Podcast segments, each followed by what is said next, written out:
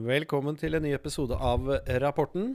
I dag uh, har vi en uh, veldig interessant gjest. Han heter Kristoffer Christensen. Han er tidligere aksjemegler. Nå er han uh, ja, investor og gjør ulike prosjekter. Han hjelper også litt til i Yesboss med funding og B2B-avtaler.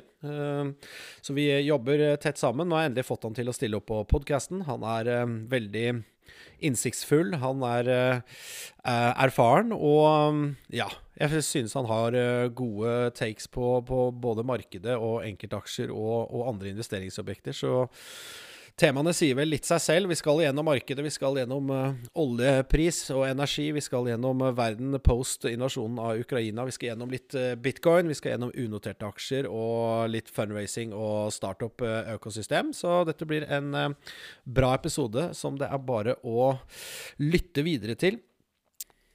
Men før det en liten oppdatering på brofinansieringen i. Eh, eh, selskapet er i ferd med å hente inn eh, opptil 3 millioner kroner i såkalt brofinansiering, som eh, skal øke veksten fram til en serie A om, om et år. Eh, årsaken til at man velger å hente penger nå, eh, er ikke det at man ikke har runway, for det har man til godt over sommeren. Men det er det at man har funnet et produkt som blir etterspurt i markedet.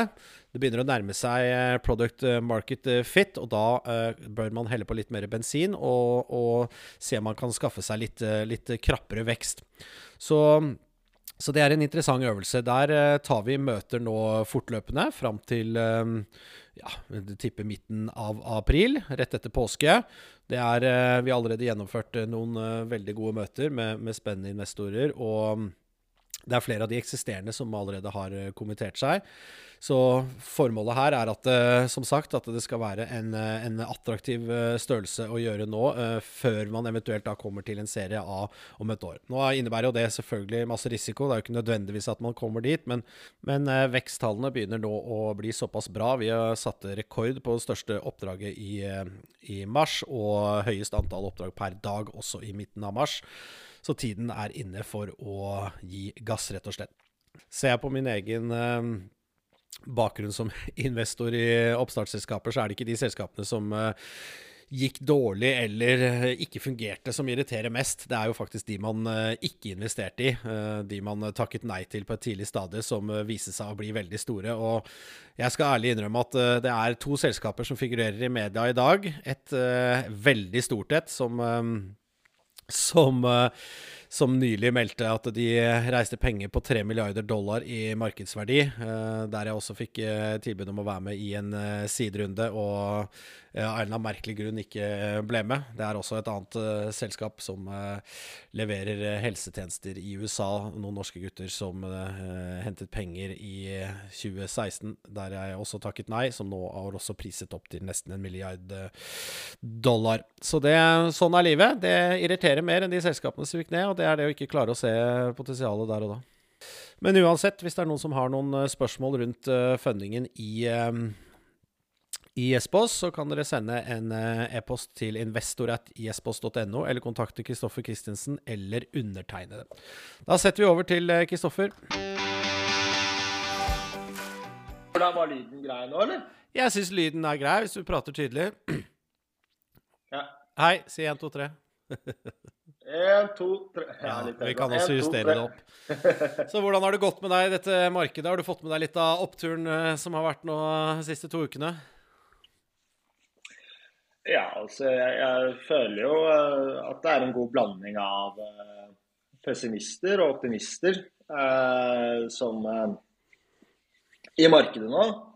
Eh, og temaene blir liksom hele tiden hva hva som er eh, gårsdagens snus, eller dagens snus, da, egentlig. Mm. Eh, og eh, jeg så jo nå at eh, GP Morgan eh, forventet at markedet skulle stige med 10% i det kortsiktige bildet. og Da peker de på at eh, sånn med tanke på kvartalsslutt, så er det en del fond som skal rebalansere porteføljene sine. Mm. Og da at vi kommer mellom 100 og 230 milliarder Eh, inn i, inn i markedet, da, rett og slett. Og da dytter det 50-10 oppover. Ja. Eh, rett og slett den største rebalanseringen siden 2020. Oi, ikke sant. Men, uh, men det, det, stiger vel sikkert ikke noen få dager igjen av kvartalet. Men, uh, men det, jeg har jo sett litt på den grafen, jeg også. SMP er jo nærmere all time high nå enn forrige bunn i tidlig mars. Altså, Den er jo opp over 500 punkter, og nå er det 170 punkter til en ny all time high. ikke sant? Så vi har jo allerede gjort unna en, en hel del um, vei oppover, da. Så det spørs da, hvis JP Morgan sa dette forrige fredag, så får du jo sikkert riktig. det er liksom når det går så mye hver eneste dag, så. Men, men som for norske investorer, så tror jeg at eh, altså blue chips, da, indekstunge, indekstunge selskaper, eh, som har falt litt i forkant Eh, Jeg ser på chart her nå, flere chart.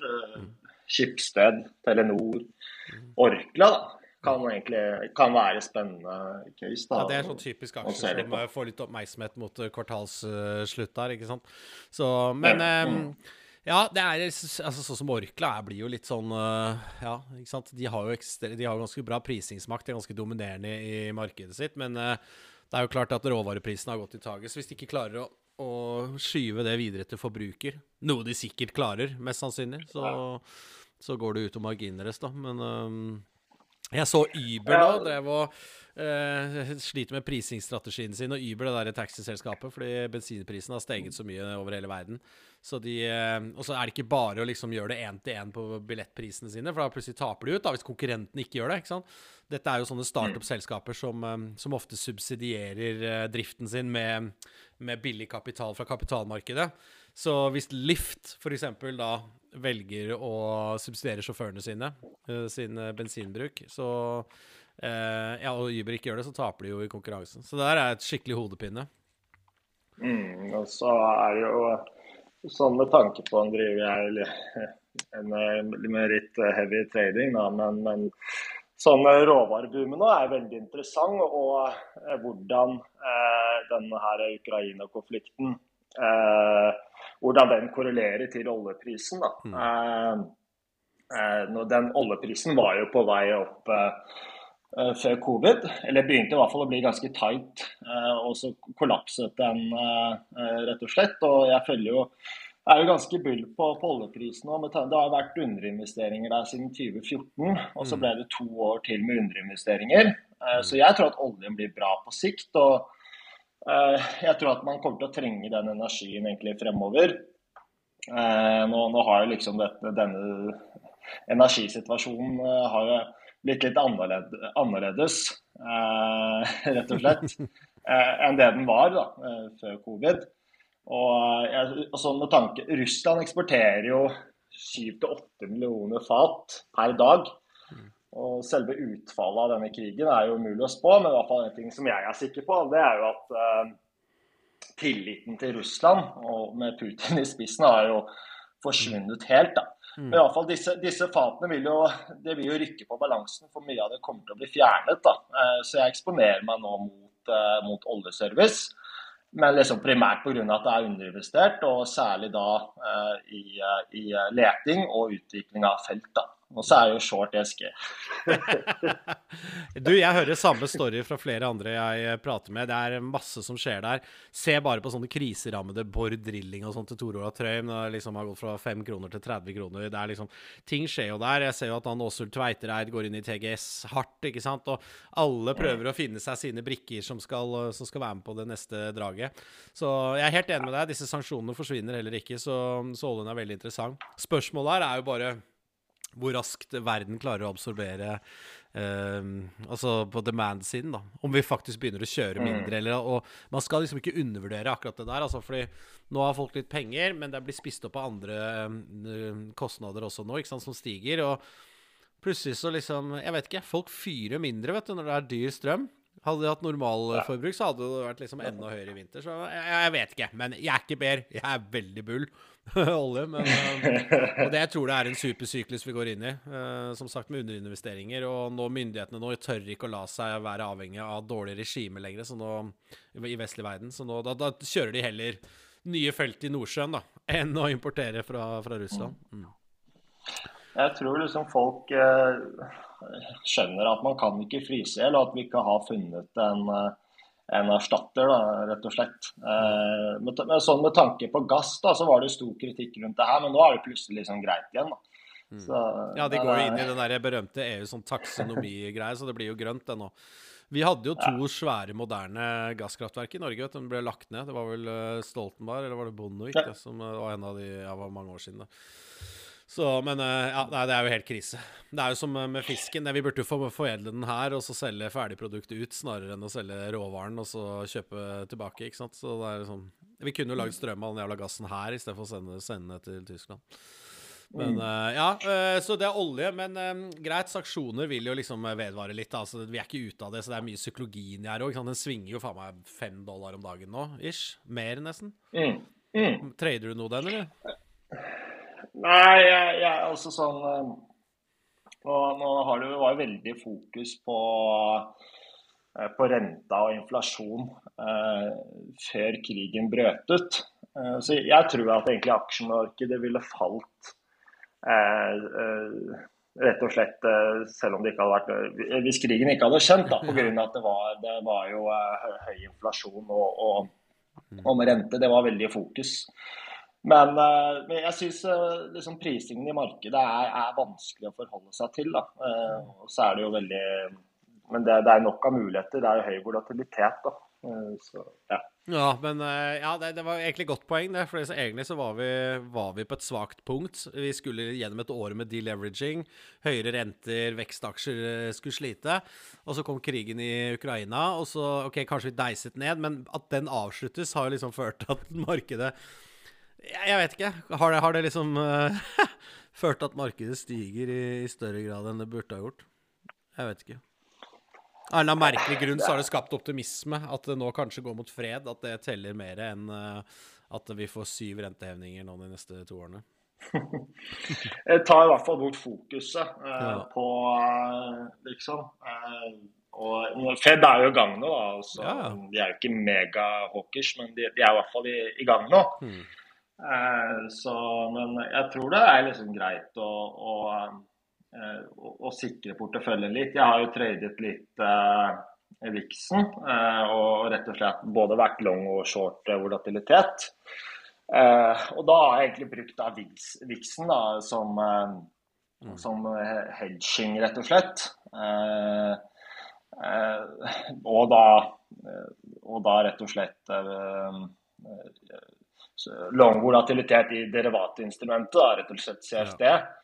Uh, det er liksom og da I teorien er at man eier aksjer, og så går man long VIX da, for det hvis det blåser ut noe jævlig, så, så vil du ha litt hedge der, da. ikke sant? Fordi da øker jo risikoen på de long aksjeporteføljen din. Um, mm, mm. Ja. ja, nei, men det, jeg skjønner det. Um, hva med tech-aksjer? Gjør du noe der i det hele tatt, eller er det bare olje nå?